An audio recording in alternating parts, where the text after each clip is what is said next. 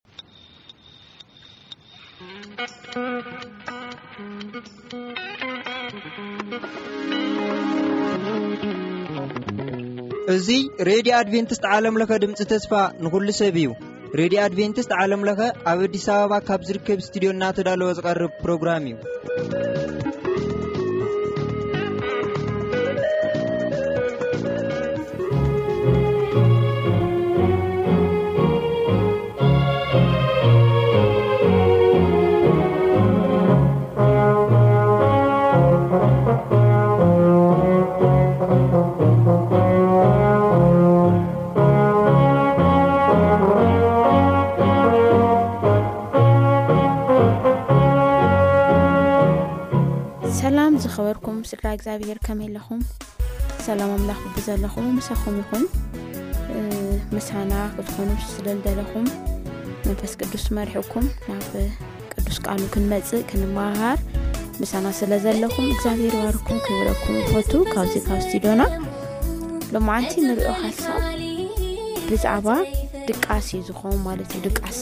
ይብል እቲ ኣርእስቲ መጽሓፍ ቅዱስና ብዛዕባ ድቃስ ኣብ ብዙሕ ቦታ ብፍሉይ መንገዲ ይዛረብ እዩና ሎሚ እቲ ኣካላዊ ድቃስ ከም ዘሎ ኮይኑ መንፈሳዊ ድቃስ ካብቲ ናይ ኣካላዊ ድቃስ ዓልእናሲ እቲ ናይ መንፈሳዊ ድቃስ ዘምፅኦ ሓደጋ ሓቢርና ክንርኢና ማለት እዩ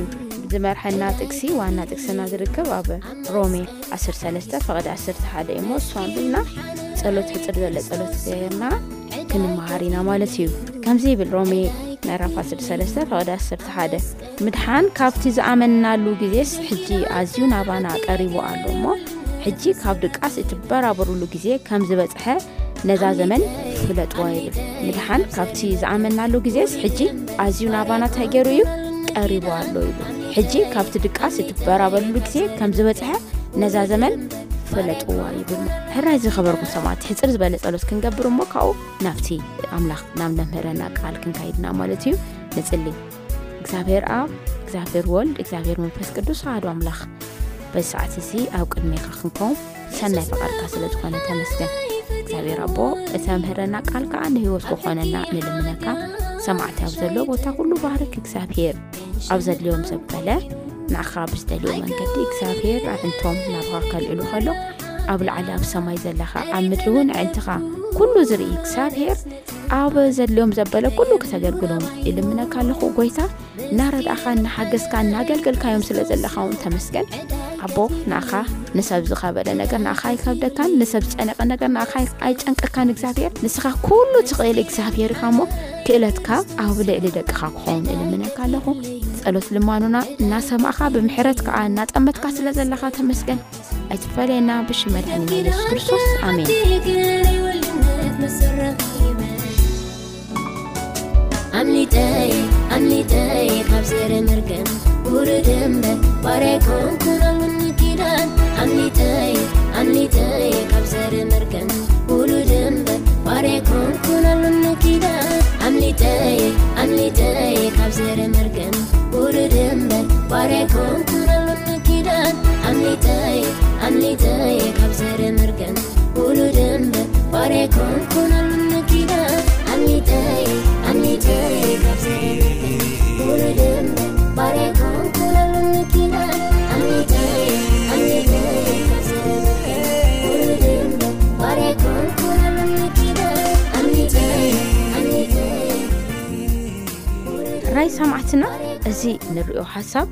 እንታይ ይብለና ድቃስ ኣዝዩ ሓደገኛ ዝኾነ ነገር እዩ ካብ ኩሉ ንላዕሊ ከዓ እቲ ከቢድ ነገር ከዓ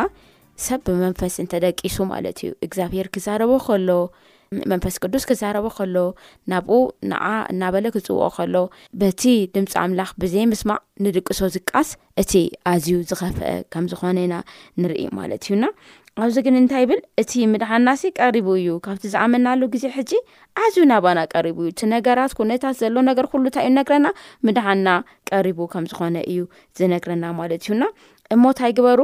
ደቂሱም እንዳይለይኹም እንታይ ግበሩ ተበራበሩ ይብለና ቃል ኣምላኽ ማለት እዩ ብዙሕ ሰብ ድቃስ ይፈቱ እዩ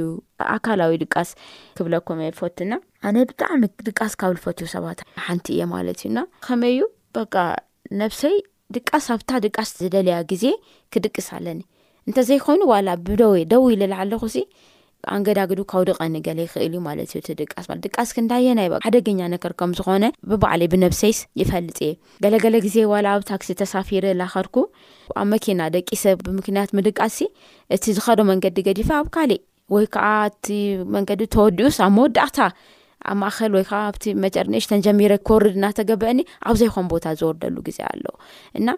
ድቃስ ሓደገኛ ነገር ምዃኑ እግዚኣብሄር ከም ርድኡ ዝተላዕለ እንታይ ይብል ካብ ድቃሱም ተበራበሩ ይብል ማለት ድቃስ እንታይ ይገብር ነገራትና ብምሉእ ሲ መንገዱ ክስሒት እዩ ዝገብሮ ማለት እዩ ሓሳባትና እቲ ተለምናዮ ነገር ኩሉ ክበላሸ ዩ ዝገብር እቲ ድቃስ ክንድቅስ ኣብ ዝግብኦና ግዜ እንተዘይደቂስና ማለት እዩ ኣብ ኩሉ ቦታ ሰውኢልካ ድቅስ እንዳሕሪ ኢልካ እንታይ ይገብር ሓደ ከይትሰምዒ ዩ ዝገብረካ እቲ ድምፂ ኣምላኽ እቲ እግዚኣብሄር ለብለካ ነገር ብትክክር ከይተስተውዕል ይገብረካ ማለት እዩና እስቲ ንረኣያ መፅሓፍ ቅዱስና ብዛዕባ ድቃስ ዝተጠቐሱ ብዙሓት ቦታ ኣለዉ። ብዛዕባ ዝደቀሱ ሰባት እውን መጽሓፍ ቅዱስና ይነግረና እዩ እሞ ክንርኢ እስቲ ንፍትን። ወንጌለ ማርቆስ ምዕራፍ ዓሰርተ ኣርባዕተ ሰላሳን ሸሞንተን ሰላሳን ሸውዓተን። ኣብ ወንጌለ ማርቆስ ምዕራፍ ዓሰርተ ኣርባዕተ ቁጽሪ ሰላሳን ሸውዓተን ሓደ ኣካል ንረክብ። የሱስ ኣብ ጌተሰማኒ ከሎ፣ ጌተሰማኒ ክጽሊ ከሎ እቲ ደም ካብ ገጹ ደም ትፍ ትፍ እስካብ ልብል ደም እናነበዐ ክጽሊ ከሎ ምስኡ ዝነበሩ ደቀ መዛሙርቲ ነይሮም። ሰለስተ ደቃ መዛሙርቲ ነይሮም፣ ጴጥሮስ፣ ዮሃንስን ያዕቆብን ማለት እዩ። እዚኦም ሰለስተ ኣብቲ ጌተሰማነ ክርስቶስ ክጽሊ ከሎ ብሃደ ነይሮም። ደሃረ ክርስቶስ እናኸደ ይጽሊ እሞ እንታይ ላበለ ዝጽሊ ኣባ ኣቦይ ኩሉ ይከኣለካ እዩ ንስኻ ኩሉ ትኽእል ኢኻ እሞ እዛ ጽዋዕ እዚኣ ካባይ ሕልፍ ግናኻ ንስኻ ኣይትደልዮ እምበር ናተይ ፈቓድ ኣይኹን እናበለ ይጽሊ ነይሩ እናደጋገመ ኣብቲ ጌት ሰማኒ ይጽሊ ነይሩ ግን ኣብቲ ፈቕዲ ሰላሳን ሸውዓተን ክንርኢ ከለና ወንጌለ ማርቆስ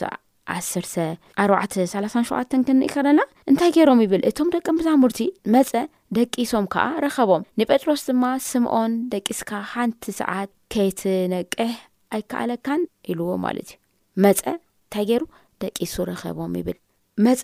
ክርስቶስ ካብቲ ጸሎቱ ክመጽእ ከሎ እቶም ጴጥሮስን ዮሃንስን ያቆብን እንታይ ገሮም ይረኺብዎም ይብል ደቂሶም ረኺብዎም ይብል ማለት እዩ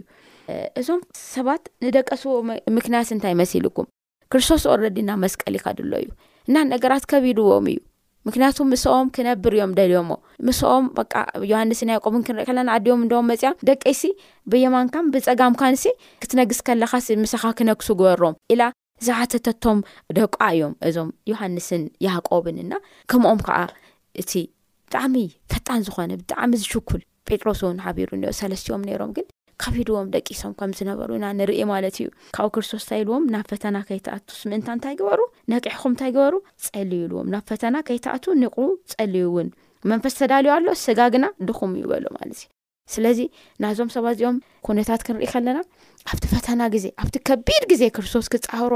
ዘይክእሎ ግዜ ንኡ ክድግፉ እናተገብኦም ንኡ ብጸሎት ንኣምላክ ከቅርቡ እናተገብኦም ክደቂሶም ከለዉ ኢና ንርኢ ማለት እዩና ድሓር መወዳእትኦም ክንርኢ ከለና ግን እቲ ፈተና ከም ዝወደቑ ስጋ ድኹም እዩ ኢልዎም መንፈስ ተዳልዩ እዩ ስጋ ግን ድኹም እዩ ናብ ፈተና ከይትኣትዩ ስታይ ገበሩ ጸልዩ ኢልዎም ነይሩ ክርስቶስ ግን ብድቃስ ምኽንያት ኣብቲ ፈተና ከም ዝኣተዩን እቲ ፈተና ክሓልፉ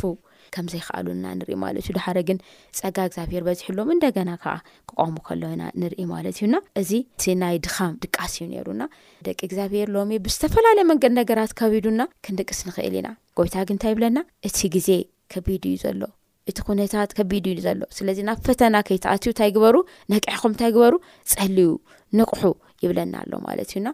እዚ ምክሪ እዚ ክንወስድ ይግባኣና እቲ ካልኣይ ድቃስ ከዓ ናይ መን እዩ ዘሎ ናይ ዘን ዓስርተ ደናግል ኣብ ወንጌለ ማቴዎስ ምዕራፍ ስራን ሓሙሽተ ንረክበን ናይ ዓስርተ ደናግል ድቃስ ኢና ንርኢ ናዘን ደናግል ድቃስ ከዓ ከመይ ዓይነት ድቃስ እዩ ጎይታ ክመፅ እዩ ኢለን ይፅበያ ነይርን ኣምሳለ ተቐመጣ ማለት እዩ። ኣብ ማቴዎስ ዕስራን ሓሙሽተን ዝንርእየን ደናግል መንግስቲ ሰማያት ቀቀንድለን ሒዘን መርዓዊ ክቕበላ ዝወፃ ዓሰርተ ደናግል ትመስል ኢሉ እግዚኣብሄር ኣብ ምሰላ ዝነገረን ዓሰርተ ደናግል ንረኽበ ማለት እዩ እዘን ደናግል እዚአን ሓሙሽተኤን እቲ ቀንድለን እንታይ ገይረን እቲ ቀንደል እንታይ ገይረን እቲ ዘድሊ ዘይቲ መርኤን ከም ዝሓዛ ኢና ንርኢ እተን ሓሙሽተ ግን ዝደለ ዘይቲ ከም ዝሓዛ ኢና ንርኢ ማለት እዩና እዘን ሓሙሽተን ዓሰርተ ደናግል እንታይ እየን ለመላኽታ ኣብቲ መወዳእታ ዘመን ዘለና ደቂ እግዚኣብሄር ናብ እግዚኣብሄር ንፅጉ ሰባት ናብ እግዚኣብሄር ንደልዩ ሰባት እየን ለመላኽታ ማለት እዩ እሞ ዘይትና ከመይ እኒኦ ብስራሕ መንፈስ ቅዱስ ኣብ ውሽጥና ከመይ እኒኦ መንፈስ ቅዱስ ብትክክል እቲ ዝግባእ ናይ ግዜ ኩነታት ይነግረና ኣሎ ድዩ እንታይ ኢሉና ካብቲ ድቃስ ንበራበረሉ ግዜ ከዚ እዩ ግዜ ሕዚ እዩ እሞ እንታይ ግበሩ ንቕሑ ኢሉና እኒኦ ኣብ ሮሜ እሞ እተን ሓሙሽተ ተዳልየን እየን እተን ሓሙሽተ ግን ኣይተዳልያን ግን ክልተ ጉጅለታት እንታይ ገይረን ኩለን ክድቅሳ ከሎ ኢና ንርኢ ዳሓደ እቲ መርዓዊ ይመፅ እሞ ነተን ተዳለዋ ሂዝዎን ይኸድ እተን ዘይተዳለዋ ከዓ ገና እቲ ዘይቲ ክእልሻ ክኸዳ ከሎ እዩ ነግረና ምዕራፍ እስራን ሓሙሽተና እተን ለባማት ከዓ መርዓዊ ምስ ደንጎየ ግና ኩለን ትኻስ ትኽስ በላ ደቀሳ እውን ይብል ደቀሳ ዘን እንዳ ሕዚ ክርስቶስ ክመጽእ እዩ ጎይታና መድኃኒና ክመጽእ እዩ ለብዛ ምድሪ እዚኣ ነገራት ኩሉ ብርግጸኝነት ንነግረኩም ክተጸሓፈ ቃል ኩሉ ተፈጺሙ ተወድእ እዩ ጎይታ ክመጽእ እዩ እሞ ከመይና ንኔና እሞ ሃመይና ንዳለው ዘለና ጎይታ ክንረኦ እቲ ዝሞተልና እቲ ዝተበጀወና እቲ ንኣምእንታና ክብል ኣብ መስቀል ዝውዓለ ጎይታና ንክንቅበሎ ከመይ ኢልና ኢና ንዳሎ ዘለና? መንግስቲ ሰማያት መርዓዊ ክትቅበል ክቅበላ ዝደልያ ደናግል እያ ትመስል ኢሉ ክርስቶስ ክዛረብ ከሎ ኢና ንርኢ ማለት እዩ። እተን ደናግል ግን ፍርቀን ብምክንያት ድቃስ ኩለን ደቂሰን እየን። እተን ፍርቀን ከይተዳለዋ እተን ፍርቀን ከዓ ተዳልወን ደቂሰን እየን ዝነበራ እሞ ናይና ነገር ከመይ እዩ ዝመስል ተዳልዩና ዲና መንፈስ ቅዱስ መሊእና ዲና ውሽጥና? ጸጋ እግዚኣብሔር መሊእና ዲና? ሓጢኣት ስዒርና ዲና? ምስ ጎይታ ብትክክል ንጉዓዝ ዲና ዘለና? ሽዑ ክርስቶስ ክመጽእ ከሎ ካብ ድቃስና ክንበራበር ከለና ቀጥታ ናብኡ ክንኣቱ ክንክእል ማለት እዩና እዚ መንፈሳዊ ድቃስ ኣብ ልብና ከይኾኑ እግዚኣብሔር መመዓልቲ ልብና ክነዳሉ ክንበራበር ይነግረና ማለት እዩና ከምዘን ደናግል ዚኤን እተን ደናግል ኩለን ምስ ጠቀሳ ናይ መርዓዊ ድምፂ ከምቲ ሰምዐ ንርኢ ኣጋ ፍርቂ ለይቲ ጭራሕ ምራሕ ኮነ ይብል እንሆ መርዓዊ ክትቅበላ ተግበራ ውጻ ይብል ማለት እዩ እተን ደናግል ኩለን ተንሲኤን እንታይ ገራ ቀቀንድለን እንታይ ገረን ኣዳልወን ይብል እተን ዓሱ ግን እንታይ ኣይነበረን ኣብቲ ቀንድለን ዘይቲ ኣይነበሩን ማለት ካብኡ ኣይ ኣለቃሓን ኣባ ይብላ ኣይ ንሕና እኮ ንበዓልና ንኸውን ጥራሕ ኢና ሒዝና ንኣኽን ዝኸውን የብልናን ክብላ ከለዋ ከይዕደጋ ወፅአን ከም ዝኸዳ ኢና ንርኢ እሞ ኣብ መንፈስ ቅዱስ ተመሪና ኣብ እግዚኣብሄር ፀኒዕና ሂወትና ክነመቻችው ደቂ እግዚኣብሄር መንፈስ ቅዱስ እዩ እቲ ዘይቲ ዘመላኽት ማለት እዩ መንፈስ ቅዱስ ካዓ እንታይ ይገብር ናብ ሓቂ ዘበለ ይመርሕ ናብቲ ሓቂ ፀኒዕና ክንነብር ብዛዕባ ሓጢኣት ብዛዕባ ፅድቂ ብዛዕባ ኩነ ብዝብዙሕ ነገር እንታይ ይገብር ይወቅስ ማለት እዩ ብዛዕባ ክርስቶስ የሱስ ካዓ እንታይ ይገብር ኣብ ልብና ይምስክር ተገብረና ስራሕ ክንሰርሕ ይገብረና ካብ ሓጢኣት ክንርሕ ይገብረና እሞ መንፈሳዊ ድቃስ ደቂስናሲ ካብ መንግስቲ ኣምላክ ከይንተርፍ እዚ ምክሪ እዚ ክንወስድ ኣምላኽ ብቃሉ ይነግረና ማለት እዩ እቲ ካልኣይ ከዓ እቲ ካሊእ ድቃስ ከዓ ናይ ሰነብ ሰብ ድቃስ ኣበይ ይርከበስ ኢልኩም እዚ ናይ ሰነብ ሰብ ድቃስ ማለት እዩ ምሳሌ ስራን ኣርባዕተን ፍቅዲ ሰላሳ እዩ ዝርከብ ማለት እዩ ብዛዕባ ሃካይ ኳይኻ ሰነፍ ሰብ ይዛረብ ከምዚ ይብል ብግራት ሃካይ ብናይቲ ኣእምሮ ዘይብሉ ኣታክልቲ ወይኒ ሓለፍኩ እንሆ ድማ ትኹርባ በቂሉዎ ቁድቋጥ ውሒጡዎ እቲ መካበቢያ እምኒ እውን ፈሪሱ ልበይ ኣውዲቀ ኣብኡ ተመልከትኩ ንኡ ርኣየ ድማ ትምህርት ረኸብኩ ቅሩብ ድቃስ ቅሩብ ትክስታ ምእንቲ ክትዓርፍ ቅሩብ ኣይዳውካ ምምስቃል ሽኡ ድኽነትካ ገስጊሱ ንዴትካ ከኣ ከም እተሰለፈ ሰብኣይ ይመጸካ ይብል ማለት እዩ። ኣነ ብግራት ሓካይ ብናይቲ ኣእምሮ ዘይብሉ ኣታክልቲ ወይኒ ሓለፍኩ እንሆ ደማ ተኮርባን ንሓካይ ሰብ ድቃስ ማለት እዩ። ተሓኪዩና ብናይ ጎይታ ነገር ብቃሉ ብጸሎት ሕብረት ብምግባር ብናይ እግዚኣብሔር ነገር ተሃኪዩና ዘለና ሰባት ኔና ምስማዕ ሰልኪዩና እግዚኣብሔር ከምዚ ይብል ኣሎ ተመለስ ይብለካ ኣሎ ጎይታ ከምዚ ይብለካ ኣሎ ክበሃል ከሎ ሎሚ ተሃኪብና ዘለና ሰባት ኣለና እሞ ኣብ ግራትና ታይ ክበቅል ይብለና ትኹርባ ቁጥቋጥ ክበቅል እዩ ቁጥቋጥ ክውሕጦ እዩ ተኹርባ ክበቅል እዩ ይብለና ማለት እዩ እግዚኣብሄር ካብዚ ነገር እዚ የድሕነና ሰይጣን ናብ እግዚኣብሄር ነገር እንዳሃር ከያድሃብና ኣብ ንእግዚኣብሄር ነገር ንታኸስ ከለና ኣብ ንእግዚኣብሄር ነገር ንቑሓት እንተዘይኮይና ሰይጣን እንታይ ይገብር እቲ ህይወትና እቲ ናብራና እንታይ ይገብር ቁጥቋጥን ተኾርባን ይገብረና ማለት እዩ እግዚኣብሄር ካብዚ ዓይነት እዚ የድሕነና ቅዱስ ደቂ እግዚኣብሄር ማለት እዩ እሞ ብ ናይ እግዚኣብሄር ነገር ክናማዕብል ናብ እግዚኣብሄር ክነድህብ ካብቲ መንፈሳዊ ድቃስ ህይወትና ክነትርፋ ሎሚ እዚ ዝቃስ እዚ ትክክለኛ ከም ዘይኮነ ይነግረና ማለት እዩ እቲ ራብኣይ ሰብ ከዓ መጀመርያ እንታይ ኢልና እያ ናነ ጴጥሮስና ንደቂ ደቂ መዛሙርቲ ድቃስ ኢልና እቲ ካልኣይ ከዓ ነዘን ዘን ዓስርተ ደናግል ድቃስ ርኢና ኢና፣ እቲ ሳልሳይ ከኣ እቲ ናይ ዝታኸ ሰብ፣ ናይ ሃካይ ሰብ ድቃስ ርኢና ኢና፣ እቲ ራብኣይ ከኣ ናይ ዮናስ ድቃስ ኢና ንርኢ። ዮናስ ኣብቲ ታህታዋይ ክፍሊ ኣትዩ ከም ዝደቀሰ ይነግረና። ኣብ ትንቢት ዮናስ ምዕራፍ ሃደ ክንርኢ ከለና፣ ዮናስ እንግዲ እግዚኣብሄር ክልእኽ ናብ ነነዌ ኪድ ኢሉ ዝለኣኾ ነብዪ እዩ ነይሩ። ኣታ ዓዲ እዚኣ ክትጠፍእ እያ እሞ ከይትጠፍኡሲ ናብ እግዚኣብሄር ተመለሱ ኢልካ ንገሮም ኢሉ ዝነገሮ ሰብ እዩ ነይሩ። ግን እንታይ ገይሩ ካይዱ ክድቅስ ከሎ ኢና ንርኢ ማለት እዩ እቲ ተሓተዋይ ክፍሊ ኣብ እግዚኣብሔር ለይበሎ ቦታ ተረኪቡ ሓደ ካልኣይ ከዓ ኣብቲ ተሓተዋይ ናታ መርከብ ኣትዩ ክድቅስ ከሎ ኢና ንርኢ ማለት እዩና ሎሚ ስድራ እግዚኣብሔር እግዚኣብሔር ካብ ዮናስ ዝነግረና ነገር እንታይ እዩ ምድሪ ክትጠፍእ ቀሪባ ኣላ እሞ ንበዓልኩም ውፁ ካብኡ ከዓ ነቶም ካብታ ጥፋኣት ከምልፁ ዝግብኦም ሰባት እንታይ ግበሩ ከምልፁ ግበሩ ኣይትታገሱ ኣይትድቅሱ ይብለና ዮናስ እንዳም እንታይ ይብል ናብቲ ተሓተዋይ ክፍሊ ወሪዱ ከቢድ ድቃስ ከም ዝደቀሰ ይነግረና ከቢድ ማለት እዩ ዝኹላይ ማዕበል ዝኹላይ ሰባት ላዕሊ ታሕቲ ክብሉ ከሎ እሱ ኣይሰምዐን ከቢድ ድቃስ ወሪድዎ ነይሩ ኣብቲ ውሽጢ መርከብ ኣትዩ ማለት እዩና ሎሚ እቲ ከባቢና ዘሎ ነገር እናተናወፀ ህዋሳት ስምዒትና እግዚኣብሔር ዝሓበና ህዋሳት ስምዒትና ተጠቒምና ሲ እቲ ነገር ኣስተብሂልና ንባዕልና ናብ ኣምሊጥናስ ንካልኦት ንካምልጡ ካብ ምግባር ደቂስና ተታኪስና ልክዕ ከም ዮናስ ኣብ ታሕቲ መርከብ ኣቲና ደቂስና እንተሊና ኣይሰምዕን እየ ኣይርእን እየ እዚ ነገር ኢልና ዘለና እንተሊና እግዚኣብሔር ሎሚ እንታይ ይብለና ተላዕሉ ተበራበሩ ይብለና ተላዕሉ ተስኡ ሎሚ ንድቅሰሉ ግዜ ይኮነ ካብቲ ድቃስና ንበራበለሉ ግዜ እንታይ እዩ ሕዚ እዩ ሕጂ እያ እዛ ግዜ ምክንያቱም እቲ ምድሃናታይ ገይሩ እዩ ናባና ኣዝዩ ቀሪቡ እዩ ይብለና ማለት እዩ እሞ ክንልዓል ካብ ድቃስና ክንበራበር ምድሪ ሎሚ እግዚኣብሄር ብዓብዪ ሓይሊ ብዓብዪ ክብሪ ብዓብዪ ምልኣት ተገሊጹ ሓጢኣትን ክፍኣትን ምሉእ ዘጥፈእሉ ግዜ ቀሪቡ እዩ ደቂ እግዚኣብሄር እሞ ኣብቲ ጥፋዓት ከይንርከብ ንበኣልና ነምልጥ ንካልኦት እውን ኣምልጡ ንበል ደቂስና እንተሊና ተበራበሩ ይብለና ጎይታ መድኃኒና ሎምዓንቲ ማለት እዩ። እቲ ካሊእ ከኣ ኣብ ግብሪ ሓዋርያ ንረኽቦ ሓደ ሰብ እዩ። ኣነ እዚ ዛንታ እዚ ኩሉ ሻዕ ኣዝዩ እዩ ልገርመኒ ማለት እዩ። ግብሪ ሓዋርያ ምዕራፍ ዕስራ ካብ ፈቕዲ ትሽዓተ ጀሚርና ንርእዮ ሓደ ሰብ ኣሎ። ጳውሎስ ምዉት ከም ዘተንሥአ ይብለና ማለት እዩ እቲ ዋና ኣርእስትና። ካብ ሸውዓተ ጀሚረ ከንብብ ከምዚ ይብል። ብቀዳማይቲ መዓልቲ ሰሙን እንጌራ ክንቆርስ ተኣከብና ከሎና ጳውሎስ ንጽብሒቱ ክብገስ ሓሲቡስ ይዛረቦም ነበረ፣ ዘረባኡ ድማ ክሳዕ ፈረቓ ለይቲ ኣንውሐ። ኣብቲ ተኣኪብናዮ ዝነበርና ላዕላይ ደርቢ ብዙሕ መብራህቲታት ይበርህ ነበረ። ኣውጢኮስ ዝስሙ ጎበዝ ኣብ መስኮት ተቐሚጡ ከሎ ከቢድ ድቃስ ወሰዶ። ጳውሎስ ዘረባኡ ምስ ኣነውሐ ከኣ ድቃስ ከቢድዎ ካብ ሰልሰይቲ ደርቢ ናብ ታሕታይ ወደቐ፣ ሞይቱ ድማ ኣልዕልዎ ይብል ማለት እዩ። እዚ ሰብ እዚ ጳውሎስ ይሰብኽ ነይሩ፣ የጸናንዕ ነይሩ፣ የበርትዕ ነይሩ። ምክንያቱም ብጽባሒቱ ክኸይድ እዩ፣ ካብኦም ተፈልዩ ክኸይድ እዩ እና እዚ ሰብ እዚ ኣብ ጥቓ መሽኮት ኮፍ ኢሉ ኣብቲ ሳልሳይ ደብሪ ኮፍ ኢሉ ነበረ ይብለና። ድሓረ ግን ጳውሎስ እናተዛረበ ነገሩ እናነውሐ እናነውሐ ክኻድ ከሎ እዚ ሰብ እዚ እንታይ ገይሩ ደቂሱ ሓያል ድቃስ ደቂሱ ድሓረ በቲ መሽኮት ጸዲፉ ክመውት ከሎ ኢና ንርኢ ማለት እዩ። እግዚኣብሔር ይመስገን እቲ ዛንታ ኣብኡ ኣይውዳእን ጳውሎስ ካይዱ ይጽሊ እሞ እዚ ሰብ እዚ ካብ ሞት ከም ተሰአ ይነግረና እቲ ቃል ማለት እዩ ግና እዚ ሰብ እዚ ዝቃስ ሓደገኛ ዝኾነ ድቃስ እዩ ናብ ሞት ዘብጽሕ ድቃስ ሎሚ እግዚኣብሔር ክዛረብ ከሎ ሎሚ ንቕሑ ክብለና ከሎ ሎሚ እንተስኡ ክብል ከሎ ሎሚ ንኣምላካ ክትቀባበሎ ተዳለው ኢሉ እግዚኣብሔር ከእዊ ከሎ እግዚኣብሔር ብዝተፈላለዩ ሰባት ክዛረበና ከሎ ናብ ልብና ክመፅእ ከሎ ናብ ሞት ዘብፅሕ ድቃስ ደቂስና እንተኮይና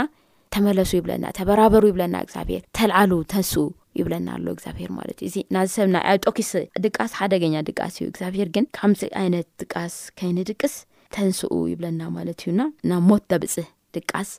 ደቂስና እንተኮይና ሎሚ ጎይታታ ይብለና ተበራበሩ ንቕሑ ልብኹም ንኣምላኽ ምለሱ ይብለና እዩ እሞ እዚ እውን ሓደ እዩ ማለት እዩ እቲ ናይ መወዳእታ ከዓ እቲ ናይ መወዳእታ ድቃስ ናይ ሳምሶን ድቃስ እዩ ከም ንፈልጦ ኣብ መፅሓፍ መሳፍንት መሳፍንቲ መፅሓፍ ኣብቲ እስራኤል ኣብ ከቢድ ኩነታት ኣብ ዝነበሮ ግዜ እስራኤል ቅፅሪ ፀላኢ ብምሉኡ ተበቲኖ ኣብ ዝነበሮ ግዜ ሰብ ኩሉ ዘዝመሰሎ ዝገብረሉ ግዜ እዩ ነይሩ ዘመን መሳፍንት ክንብል ከለና ኣብ መፅሓፍ ቅዱስና ማለት እዩ